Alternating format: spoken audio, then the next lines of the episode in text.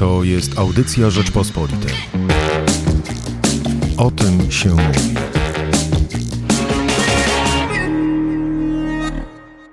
A ze mną w studiu Kamila Ferenc z Federacji na Rzecz Kobiet i Planowania Rodziny. Skoro to podcast pod tytułem O tym się mówi, to nie możemy mówić o niczym innym niż o tym, co się dzieje na polskich ulicach. Dzień dobry. Dzień dobry.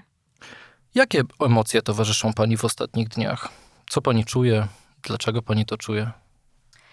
E, z jednej strony jestem zawiedziona e, tą decyzją Trybunału, zachowaniem władz, tym jak bardzo ignorują potrzeby społeczeństwa, mm, a z drugiej strony widzę jakąś taką nadzieję, która pokazuje, że społeczeństwo jest w stanie na przykład się samo zorganizować, być solidarne i um, zamanifestować swoją niezgodę na to, jak władza y, no właśnie ignoruje prawa, nasze prawa człowieka, prawa obywatelskie, y, ale też prawo do wypowiadania się w sprawach, które nas najbardziej dotyczą.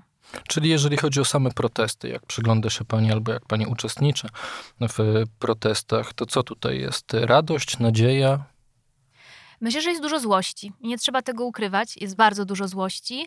Jest rodzaj zmęczenia tego, że tym jakimś rodzajem opresji ze strony y, władzy. Ja to nazywam przemocą instytucjonalną i mam wrażenie, że społeczeństwo zaczęło ją zauważać. To znaczy, że y, instytucje, które są powołane do tego, żeby na przykład nas chronić, albo coś nam oferować, zabezpieczać, e, przestały to czynić, nawet jeżeli jest to zapisane w prawie, a zaczęły y, nam narzucać jakiś sposób życia. Nie, takie, nie taka jest rola mm, tych instytucji, nie taka jest rola władzy publicznej.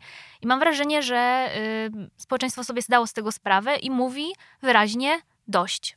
Dość i mówi też dużo bardziej dosadnie. Do, do czego to nas doprowadzi? W sensie, jaki może być tego, tego skutek, jak pani to obserwuje? Jestem realistką, więc y, biorę pod uwagę różne scenariusze. Myślę, że może dojść do y, bardzo dużej zmiany społecznej,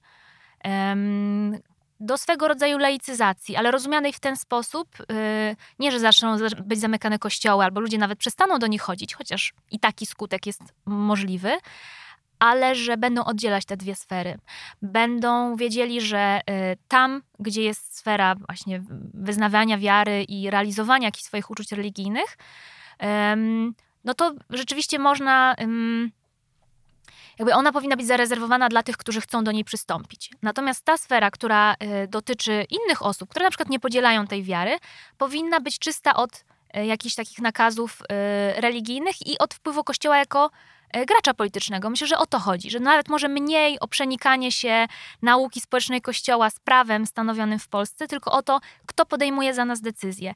I też to jest przedmiotem tych protestów, że ludzie, rodziny w Polsce, ludzie też wierzący, chcą powiedzieć władzy jedno. To my o naszych sprawach dotyczących prywatności, intymności, zdrowia, o przyszłości naszej rodziny będziemy decydować sami, a władza jest od tego, żeby nam pomagać podjąć te decyzje, dać różne narzędzia do realizowania tej decyzji, wsparcie w jej realizowaniu, ale nie y, podejmować ją bardzo arbitralnie za nas, bez znajomości naszej sytuacji, bo pamiętajmy, że najedzony nie zrozumie głodnego. Władza, która jeździ limuzynami, może helikopterem bardzo szybko przyjechać do kliniki zagranicznej, przelecieć e, w celu na przykład podjęcia leczenia, może sobie do końca nie wyobrażać, że na przykład y, jak wygląda życie w rodzinie, w której matka musi zrezygnować z pracy, y, prowadzić ciężki wózek z dorosłym, niepełnosprawnym dzieckiem e, w śniegu, musi uważać na to, żeby nie zarabiać zbyt dużo, na przykład żeby mąż nie zarabiał zbyt dużo, żeby nie stracić dodatków i zasiłków, musi się zastanawiać, ile pampersów dziennie musi temu dziecku wydzielać, żeby wystarczyło. No ale mówi pani, że jest pani realistką, czyli co? Czyli rzeczywiście do tego, do tego dojdzie, że będzie ta zmiana? No ja od razu tutaj swoje wątpliwości przedstawię. Ta agresja, wulgarność, wandalizm na protestach społecznych, no on mnie nie bulwersuje. Okej, okay, nie jestem naiwny, wiem, że na tym polegają protesty, ale jaki będzie tego skutek? Czy naprawdę reszta społeczeństwa na to popatrzy i powie, okej, okay, protestują w słusznej sprawie, przyłączamy się do nich i zmieniamy? Czy może jednak nastąpi jakaś eskalacja przemocy? Tak jak już już to się zaczęło. Narodowcy zaczną się pojawiać pod kościołami, kibice zaczną e, szukać okazji do, do, do jakichś małych e, ro, ro, rozruchów, ludzie zaczną wjeżdżać samochodami w tych protestujących e, na skrzyżowaniach, dojdzie do jakichś kolejnych wielkich podziałów i Jak pani, jako sama się pani określa, realistka, przygląda się e, temu obrotowi rzeczy? Mhm.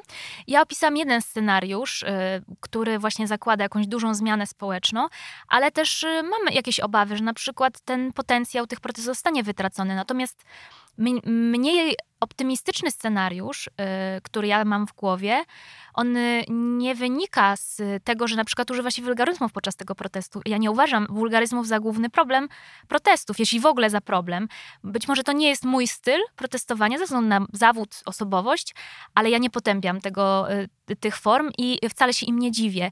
I uważam, że musimy sięgnąć głębiej do źródeł protestu i też, no, powiedz sobie szczerze, no nie, nie udawajmy, że bulwersują nas, bulwersuje nas użycie na przykład wulgaryzmów w, w takim przy użyciu takich środków wyjątkowych, bo pamiętajmy, że społeczeństwo sięgało wcześniej po inne formy przedstawiania swoich racji, tak? Po dyskusje, konferencje, um, udział w komisjach, um, apelowanie do władz, ale w momencie, w którym ludzie czują, że po pierwsze nie są słuchani, te e, takie pokojowe, mm, chociaż ja nie uważam, żeby teraz było jakoś bardzo niepokojowo, ale może mniej niż, e, niż wcześniej. Tak, te pokojowe mm, środki nie działają, nawet nikt nie pyta ich o zdanie, tylko nad ich głowami przeprowadza coś w, jeszcze do tego wątpliwej formalnie procedurze.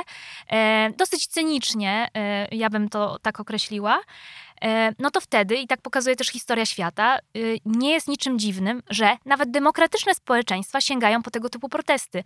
I jakoś nam w innych sferach życia, na meczach, wulgaryzmy nie przeszkadzają. Jeżeli chodzi o eskalację przemocy Dobrze, i narodowców, tutaj, tutaj się zgadzamy, no myślę, właśnie. że policja powinna stanąć na wysokości zadania i przemoc bezpośrednią, taką jak e, zrzucanie staruszki ze schodów kościoła, czy przejeżdżanie ludziom samochodem po e, e, nogach, powinna e, zabezpieczać protestujących przed tym. I to jest rozwiązanie tego problemu. Natomiast to, że ktoś krzyczy, chce wykrzyczeć swoją złość, żeby w końcu dotarła do rządzących, którzy wcześniej ją notorycznie ignorowali, to, to nie jest problem, tylko to jest skutek zaniedbań rządzących i nie powinniśmy winy szukać w, indywidua- w jednostkach, tak? Jednostki tak są już za bardzo obciążone. Mamy kryzys, mamy epidemię, mamy mnóstwo obostrzeń, a to władza ma przywilej, zasoby i władzę i to od niej możemy więcej oczekiwać, a nie od obywateli, którzy nie mają już innych możliwości, bo wydaje mi się, że to z tego wynika, żeby y, y, swoją złość i swoje potrzeby zamanifestować. No ale my tu się w wielu kwestiach zgadzamy, tylko jakie, konkrety, w sensie, czy policja w takim razie ma też, y, jeżeli ma narodowców siłą y, odtrącać wytrącać czy wyrzucać sprzed kościołów i pilnować tego, by nie zachowywali się agresywnie, to ma też siłą zdejmować ludzi ze skrzyżowań, żeby nie blokowali ruchu w szczycie komunikacyjnym w dużych miastach. W momencie, kiedy mamy pandemię, upadają firmy, gospodarka się chwieje i jeszcze bardziej takie protesty tej gospodarce przeszkadzają? Czy władza w tej chwili ma wysłać policję i na jedne, i na drugie protesty, zachowywać się w sposób odpowiedzialny w obie strony, czy, czy jednak okazuje się, że te protesty jedne są słuszne, a drugie kontrprotesty są niesłuszne i władza ma się zająć tylko jedną stroną. Ależ w przestrzeganiu przez policję prawa i na przykład podejmowaniu interwencji nie ma nic złego, byleby rzeczywiście były zachowane przepisy. Prawa. Przepisy są takie, że zgromadzenie do pięciu osób. I osoby, które dzisiaj protestują, właśnie na tym polega też ich jakaś postawa obywatelska, którą można skrytykować, można też podziwiać. Ja jestem raczej w tej drugiej grupie. Godzą się na to, że dostaną mandat, zostaną zatrzymane, ponoszą, poniosą odpowiedzialność karną. Właśnie na tym polega e, e, jakby wyjątkowość, ekstraordynaryjność tego środka, że ludzie, zdając sobie sprawę, że poniosą koszt wyjścia na ulicę w tak trudnym czasie, chcą ten koszt ponieść, bo y, tylko w tym widzą widocznie nadzieję. Wracając do policji, chcę powiedzieć, że gdyby policja proporcjonalnie używała przysługujących jej uprawnień, y, y, to byłaby w stanie zapobiec, zapobiec eskalacji przemocy i zabezpieczyć różne strony tego konfliktu. Natomiast ja ze swojej praktyki prawniczej, czyli spędzenia kilku nocy czy poranków na komendach, szukając swoich klientów i potem uczestnicząc w czynnościach z nimi związanych, zauważam, że często są zatrzymywani tylko dlatego, że szli chodnikiem, zachowali się bardzo pokojowo.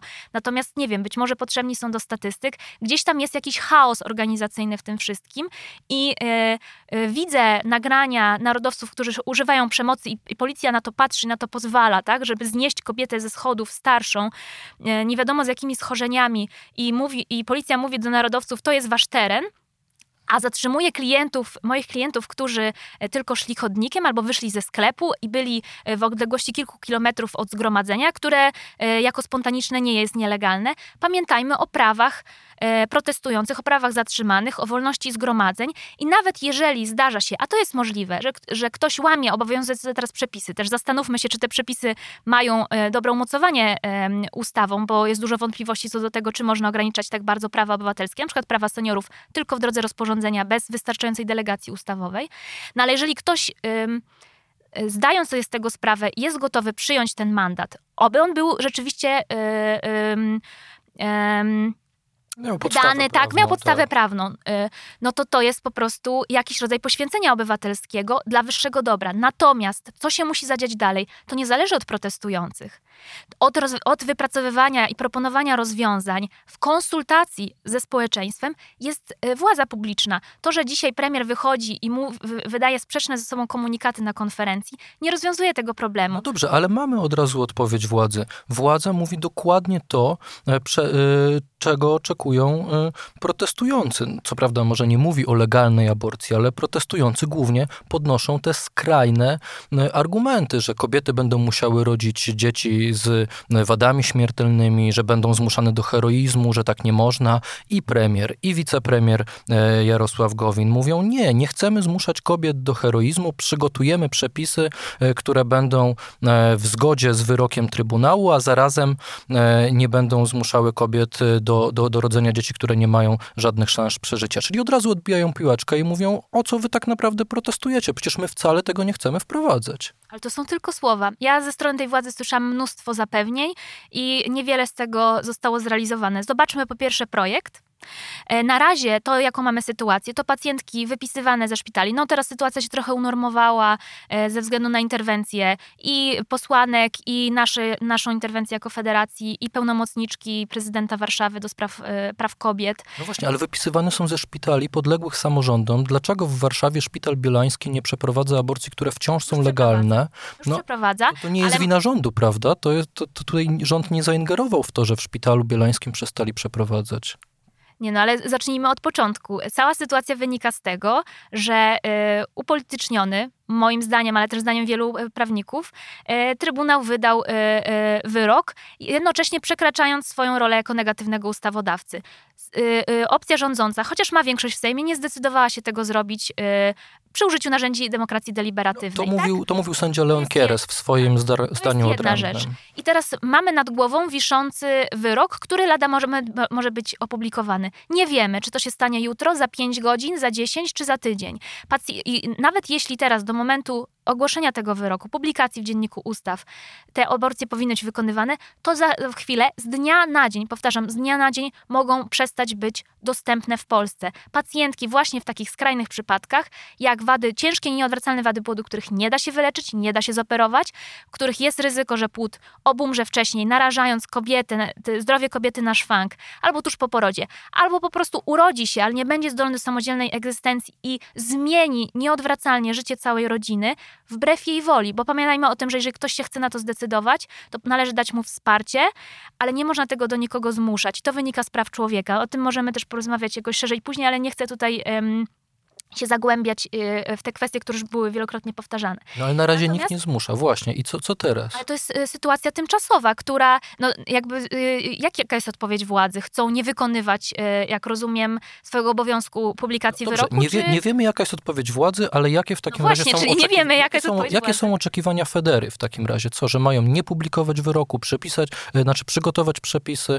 Czego wy tak naprawdę teraz oczekujecie albo, albo czego chcecie od władzy? Tu odpowiedź jest banalnie prosta, bo wiadomo to od lat i ja e, bardzo chcę wyraźnie to powiedzieć. Federa, być może też część społeczeństwa się tego przyłączy. Sondaże pokazują, że między 50 a 70% podziela nasz pogląd, ale możemy o tym też dyskutować. E, e, Federacja chce liberalizacji prawa antyaborcyjnego i dekryminalizacji. Już mówię dlaczego. No ale co lata, dzisiaj? W sensie, ja, ja wiem, czego, czego oczekuje tutaj możemy się nie możemy zmieniać? przyjąć e, takiego projektu, zacząć nad nim procedować? A dlaczego nie możemy na przykład go... ten i zacząć procedować inne? E, Publikować wyrok? Publikacja nie zależy ode mnie, ja nie będę nawoływała do niepublikowania, natomiast y, y, y, zważmy na to, że do dzisiaj kilk, po pierwsze kilka wyroków Trybunału jest niewykonanych. Były też problemy z publikacją kiedyś, pamiętamy akcję pre, do premier Szydło, żeby opublikowała wyrok, więc no jakby nie bawmy się też w hipokryzję, że, że tutaj przecież najważniejsze jest teraz opublikować wyrok, bo, bo takie są e, procedury. Jakby ja nie chcę się w to zagłębiać, bo to jest wtórne wobec e, pierwotnego problemu. Pierwotny problem jest taki, że powinniśmy, powinniśmy zacząć rozmawiać o rozwiązaniach efektywnych, i tu chcę zaraz przejść do naszego postulatu. Być może e, przyjęcie tego projektu i procedowania go, czyli liberalizującego i dekryminalizującego, należy po, poprzedzić forum kobiet. Dajmy tym kobietom głos, dajmy im się wszystkim wypowiedzieć. Dajmy im się wypowiedzieć tak, jak one tego chcą, bo dzisiaj bardzo często e, mówią anonimowo, e, trochę się boją zabrać głos, a poza tym robią to opłotkami, tak? Jasne, co, zaprosicie różne stowarzyszenia katolickie kobiet i tak dalej, tak, żeby też Zaprosimy miały wszystkich, głos. zaprośmy wszystkich i mówmy wszystkim, natomiast przede wszystkim dajmy głos tym, którzy e, nie mieli e, tego forum, nie mieli tego przyjo- przywileju, żeby ich głos był e, usłyszany. Niestety mam wrażenie, że są takie stowarzyszenia i organizacje, które, nawet niektóre mające zakotwiczenie w strukturach władzy, które ten przywilej od dawna mają i, mm, i pozwala im się mówić, pozwala im się, żeby ich perspektywa była widoczna, a i, kosztem innych perspektyw. Ja chciałabym to odwrócić, chciałabym wprowadzić równość w przedstawianiu tych perspektyw różnych kobiet z różnymi doświadczeniami, nie tylko z doświadczeniami aborcji, nie tylko tych, które popierają aborcję, ale też tych, które urodziły kilkoro dzieci, które wiedzą, jakim ciężarem jest poród i wychowanie tych dzieci, e, które być może wychowują dzieci z niepełnosprawnościami. Wszystkie kobiety, ale niech przede wszystkim kobiety, nie polityczki, nie, nie działaczki społeczne z organizacji, które, e, jak powiedziałam, e, są powiązane z władzą, mają głos, tylko te kobiety. Więc przemyślmy to mądrze. Ale teraz wracam do postulatu liberalizacji. Skąd on wynika? Nasze ponad 25-letnie doświadczenie w organizacji pokazuje, że e, w kwestiach takich właśnie, jak powiedziałam, bardzo doty- dotyczących i zdrowia i prywatności, jaką jest aborcja, wprowadzanie różnych restrykcji, takie skonstruowanie tak, regulacji, e, jak, jaką jest tak zwany, według mnie zgniły, ale ktoś powie po prostu kompromis aborcyjny, sprawia, że on nie jest wykonywany. Więc żeby zabezpieczyć nas, żeby te trzy przesłanki były wykonywane, musimy rozszerzyć to pole wolności. Musimy te przepisy stworzyć tak, żeby nikt nie powiedział, pani jest o jeden dzień spóźniona, pani nie ma tego dokumentu, no przykro mi. E, Żeby nie było tak, że nie mamy mechanizmu, żeby dzisiaj lekarza, e, który mówi nie, bo nie, nie wykonam prawa i co mi pani zrobi, pociągnąć do odpowiedzialności. Wszystkie środki, które dzisiaj mamy, są post factum, e, e, czasami po fakcie, kiedy kobieta już jest zmuszona do urodzenia i jest dla niej za późno. E, Te, te przepisy, i chcę, żeby to wszyscy wyraźnie dzisiaj zrozumieli, dotyczące kompromisu aborcyjnego naprawdę nie działają. Jeżeli działały, to tylko dlatego, że były podejmowane interwencje Rzecznika Praw Pacjenta, Federacji, tych, dzięki determinacji tych kobiet. Wiele, wiele kobiet, i to można przeczytać w wielu reportażach medialnych, mając spełnioną przesłankę ustawową dzisiaj według polskiego prawa, e, wyjechało od razu za granicę, bo nie chciało przechodzić przez gehenne upokorzenia w, w publicznych szpitalach. I o to mi chodzi, żeby zabezpieczyć te wszystkie rolniczki, urzędniczki, nauczycielki, e, e, aktywistki, prawniczki, które być może kiedyś będą po prostu rozważać przerwanie ciąży, być może będzie to im potrzebne, bo będzie zagrożone ich zdrowie i życie, żeby nie bały się, że z powodów proceduralnych, z powodu jakichś restrykcji, które kt- ktoś, bo pamiętajmy, restrykcje są zawsze i bariery polem do nadużyć, żeby ktoś z tego powodu im nie odmówił. A dekryminalizacja, żeby lekarze nie bali się z pacjentkami rozmawiać o kwestiach medycznych. Dzisiaj tak jest, dlatego, że się boją, że przyjdzie prokurator i powie, o nie, nie, panie doktorze, pan przekroczył i z jedną z bardzo restrykcyjnych przesłanek naszego kraju, kraju, kraju yy, prawa, więc yy, w imieniu Najjaśniejszej Rzeczpospolitej ja muszę niestety pana oskarżyć i nawet jeżeli nie dojdzie do skazania, to pana reputacja zawodowa jest zniszczona. Ja nie chcę, żeby pacjentki, kobiety, zwykłe kobiety bały się rozmawiać z lekarzami, ze swoimi partnerami, z przyjaciółkami. Rozmowa nie zawsze musi prowadzić do aborcji, ale ona musi się odbywać nie w stygmatyzacji i strachu, tylko w wolności i swobodzie. Przytoczę taką, taki świetny reportaż, który się kiedyś ukazał w Wysokich Obcasach. Kobiety... Nie, nie, nie chcę pani przerywać, bo Ja po wiem, to panią zaprosiłem, żeby tylko- pani przedstawiła swój pogląd, Ja wiem, ale oddam panu zaraz głos, bo praktyki. też jestem za tym. Natomiast y, czytałam kiedyś taki reportaż, w którym y, mówiły kobiety, które na przykład żałują aborcji. I mówiły o tym, y, ja chcę, żeby było liberalne prawo aborcyjne, bo gdyby ono było takie, ja bym się nie bała y, przedyskutować tej kwestii, nie bałabym się o tym powiedzieć swojej mamie, nie bałabym, miałabym więcej czasu, żeby o tym porozmawiać i być może podjęłabym inną decyzję.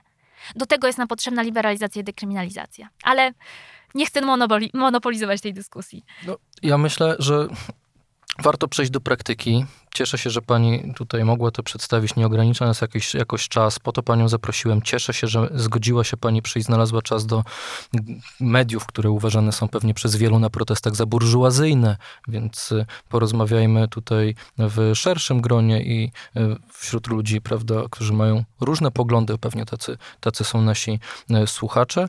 Czy te protesty, które no, wyglądają tak, a nie inaczej. Nie skupiają się już wyłącznie na aborcji, a tak naprawdę na ataku na Kościół jako podstawę patriarchatu. Widziałem mnóstwo wpisów, widziałem mnóstwo haseł na tych protestach. One nie przypadkiem odbywają się pod kurią. Gdyby tak słuchać tych protestów, to myślę, że lekarze w szpitalach to nie boją się dzisiaj prokuratora, a boją się, że ksiądz przyjdzie i im zabroni. Tak, prawda, tak, też, tak, tak też. została ustawiona e, narracja. Pani się z tym, jak widzę, zgadza. Więc jeżeli robimy taką wojnę kulturową, moim zdaniem można powiedzieć spokojnie wojną religijna, bo po jednej stronie rzeczywiście stoją argumenty religijne, po drugiej coraz bardziej mam wrażenie, że parareligijne niestety.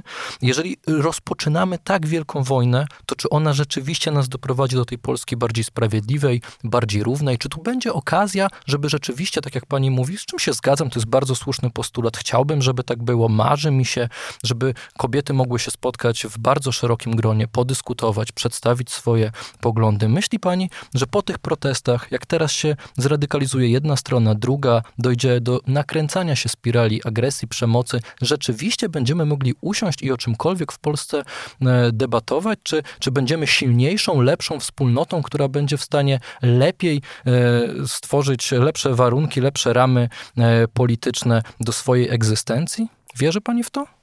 Po pierwsze, ja nie widzę tu wojny kulturowej, bo ja wojną nie nazywam y, odporu uciskanych To jest wojna, to jest główne, to jest główne, no, główne hasło na protestach. To jest wojna.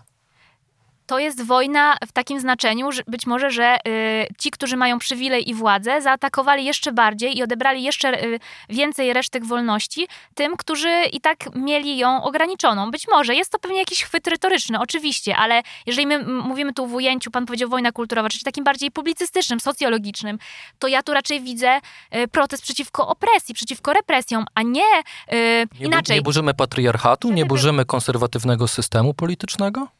E, Dobrze, to teraz pytanie. Czy pan wojnę postrzega jako y, y, jakby ścieranie się dwóch równoważnych stron? Mamy nie, strony, nie muszą które być są- równoważne strony. Dlaczego? Wojnie nie muszą być równoważne? strony. Oczywiście, że nie. Może być strona agresywna, może być strona obronna, może być Może strona być silniejsza, może być słabsza. słabsza. No właśnie, więc być może ci, którzy wyszli dzisiaj na ulicę, czując się jako strona słabsza, chcą pokazać silniejszym, że będą walczyć do końca, tak? Walczyć w znaczeniu protestować, pokazywać, nie zgadzać się. To są, jakby pamiętajmy, że to są e, naturalne procesy w, de, w społeczeństwach demokratycznych, które być może y, schodzą na ten mniej demo, em, demokratyczny tor i żeby odwrócić ten proces, te tendencje, czasami, ale popatrzmy sobie na, na historię wstecz, em, czy my e, te protesty, które na przykład doprowadziły do zmiany różnych reżimów, do, do, do jakiejś transformacji ustrojowej, nazywamy dzisiaj wojną i zacieramy to, kto był silniejszy i uciskający, a kto był uciskany i słabszy? Jakby ja mam wrażenie, że to jest odwracanie, to jest przykrywanie sedna problemu, skąd się to wzięło, co czują dzisiaj ci ludzie. To jest e, nie zadawanie sobie pytania, o co chodzi rolnikowi, który jedzie z tym traktorem po tej trasie?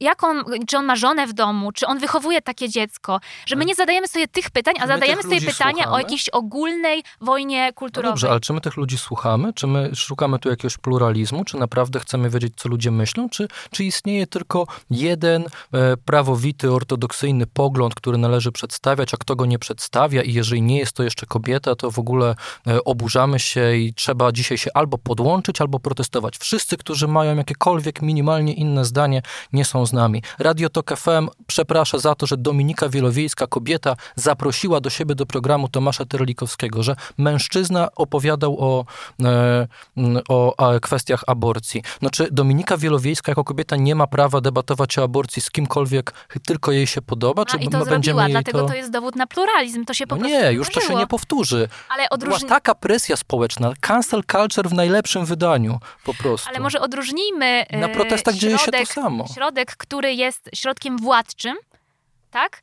E, Od środka, jakim jest nacisk opinii publicznej. Czy jest to czymś dziwnego nacisk opinii publicznej w demokratycznym społeczeństwie? To, że na przykład jakiś pogląd jest niepopularny, bo jednak większość go nie uznaje? Zawsze tak było. A czy, y, czy y, dowodem na to, że mamy pluralizm nie jest to, że Trybunał Konstytucyjny wydaje wyrok, y, który wzbudza oburzenie całego świata? No jednak y, jako, jakimś sposobem te poglądy mają swoje ujście. Pytanie, czy nie, nie w zbyt duży sposób. Y, znajdźmy Czyli jak jedna strona zachowuje się źle, druga też może. Znajdźmy proporcje. Ja tego nie powiedziałam. Znajdźmy proporcje. Co jest dla nas y, istotniejsze? To, że jest na przykład pomazana ściana kościoła, którą można odmalować, czy to, że nieodwracalnie zmienia się życie kobiety? Bo inaczej będziemy się bawić tylko w jakieś retoryczne chwyty i przepychanki. Dominice Wielowiejskiej nikt nie zabrania zapraszać kogo chce, ale musi się liczyć z tym, że być może nie spodoba się to Wła, słuchaczom. Właśnie jej zabronili, jej szefowie może y, przeciwko tym szefowo, szefom też wystąpić. Jeżeli chcę porady prawnej, mogę jej takiej udzielić, e, e, bo wszystko odbywa się na różnych poziomach. Pamiętajmy o tym. Ona też być może będzie występowała przeciwko jakiejś strukturze władzy, czyli jej pracodawcom. E, ale y, czymś innym jest to, że ludzie mają prawo wyrazić swój pogląd na ten temat. Ja nie wiem, czy ja mam, ja nie, ja nie wiem, czy ja mam prawo wyrazić pogląd na ten temat. Ja jestem uprzywilejowanym dupkiem, dowiaduję się w internecie, jeżeli jakkolwiek. Ja w ogóle na temat aborcji się nie wypowiadam dobrze, zostawiam to kobietom, a jeżeli pojawia się jakakolwiek u mnie wątpliwość, którą delikatnie wyrażę, że jestem na przykład y, y, przerażony tym, co się dzieje na ulicach i że rozpada nam się jeszcze bardziej wspólnota, bo to, czego nam właśnie najbardziej brakuje w Polsce, to to, żebyśmy w czymkolwiek potrafili się dogadać, a teraz tego nie zrobimy, to od razu się dowiaduję, że ja nie mam prawa w ogóle na ten temat się wypowiadać to jest kwestia kobiet. To jest takie wykluczenie w ogóle z debaty Ale i chwila, albo chwila. się zgadzam, albo nie. Albo jestem konserwatywnym burżu, burżujem, albo jestem normalnym człowiekiem, który popiera prawa kobiet. Rozumiem, że odczuwa pan dyskomfort, jak czyta pan takie rzeczy w, w, w internecie. Ale mogę, bo przez 30 lat byłem uprzywilejowanym dupkiem w tym kraju. Ale prawda? proszę sobie wyobrazić, że też odczuwam dyskomfort, jeżeli na przykład ja, może nawet nie personalnie, ale jako część grupy, tak? Y, jestem nazywana morderczynią, albo że nikt mnie nie zechce, y, albo że pewnie jestem brzydką feministką i tak dalej. Ja też odczuwam dyskomfort, ale odróżniam poziom dyskomfortu tego komunikacyjnego. Nie chcę, żeby na przykład pewne słowa padały, no ale y, mam ograniczony wpływ na, na, na ten kształt debaty. Oczywiście mogę go edukacyjnie prowadzić, zmieniać, no ale okej. Okay. A czym innym jest na przykład ograniczenie jakiejś mojej wolności, tego, czy ja mogę zadecydować, czy przerwę ciążę, czy nie, zwolnienie mnie z pracy z tego tytułu i tak dalej. Jakby rozróżnijmy te poziomy. No i, rozróżnijmy ja też poetykę się, protestu. Ja bym się chciał spotkać na jakimś normalnym, cywilizowanym poziomie, żeby podyskutować. Chciałbym, no, żeby pani swoje, tak, żeby pani swoje tutaj, poglądy przedstawiła i chciałbym, żebyśmy dalej to pole mieli, rozumie pani? Nie, żeby... Myślę, że będziemy je mieli nie, zawsze. Żeby, żeby opinia e, publiczna była nakręcana przez publicystów, polityków, aktywistów do tego, by urządzać tu jakieś seanse nienawiści wobec inaczej myślących, czy z jednej, czy z drugiej strony, bo obie strony, moim zdaniem, przepraszam bardzo, zachowują się dokładnie w tak samo skandaliczny sposób. Tylko wyczujmy momentum. Nawet jeśli y, pan tak uważa, to y, zastanówmy się, czy przypadkiem teraz nie, jakby te protesty nie, nie będą trwały cały rok, nie będą trwały non-stop. Teraz jest jakaś kumulacja, teraz jest taka, a nie inna określona poetyka protestów. Ale czy to, nie, czy to znaczy, że nie odbywają się takie podcasty jak teraz y, mój z panem? Czy to znaczy, że nie powstają inne artykuły? Zawsze tak będzie, zawsze będą różne, ym, różne pola do dyskusji. Y, ta dyskusja będzie przeprowadzona w różnej temperaturze i atmosferze. Pan zawsze będzie mógł jednak przynajmniej taką mam nadzieję, powiedzieć to, co myśli. E, I, i nic się raczej z, z, tego tytułu panu nie stanie, ale to nie stoi w sprzeczności z tym, że na przykład ktoś wyjdzie na e, ulicę z e, transparentem, nawet gdzie będzie jakiś, jakieś słowo wulgarne. To nie neguje, to nie neguje, to nie neguje, widział pan taki protest, taki, taki transparent? Bardzo bym chciał, wtedy by znaczyło, że jestem uznanym dziennikarzem. Okej.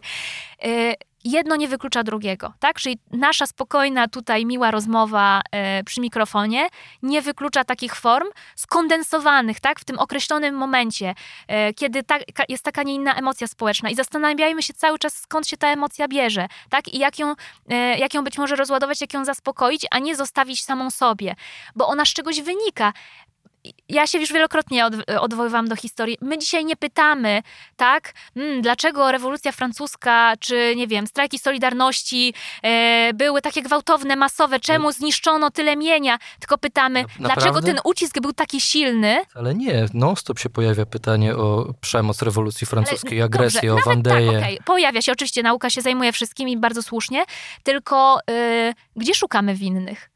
Szukamy winnych w, w, w, w biednych, w, w, w ludzie, w rolnikach, w rzemieślnikach, czy szukamy w rządzących, którzy opływali w złocie? No widzi pani, ja szukam i po stronie rządzących, i po stronie e, rewolucjonistów, którzy Dobrze, sami róbmy to jedno, ale zabijać. zachowajmy proporcje. Od kogo wymagamy więcej? Nie, oczywiście, wymagamy od władzy. Tu się zgadzamy. Zgadzamy się także z tym, że e, Trybunał nie był miejscem, żeby taką sprawę rozstrzygać w momencie, kiedy rzeczywiście rządząca prawica ma większość w parlamencie, może przeprowadzić debatę społeczną, której nie przeprowadziła, starała się zrobić coś na skróty. To jest droga może i sprytna, ale zarazem krótkowzroczna. Wszystko okej. Ale pozwólmy temu wybrzmieć, bo właśnie na tym polega problem, że władza od lat, i nie tylko ta, ja nie mówię tylko o tym rządzie, tylko generalnie tendencje władzy, może robić pewne rzeczy i chodzi im to na sucho, bo oni de, dysponują aparatem represji, oni dysponują zasobami i tak dalej. Każda władza I chodzi tak o to, że tak. społeczeństwo chce, żeby władza w końcu poniosła jakąś odpowiedzialność, żeby wybrzmiało, zachowaliście się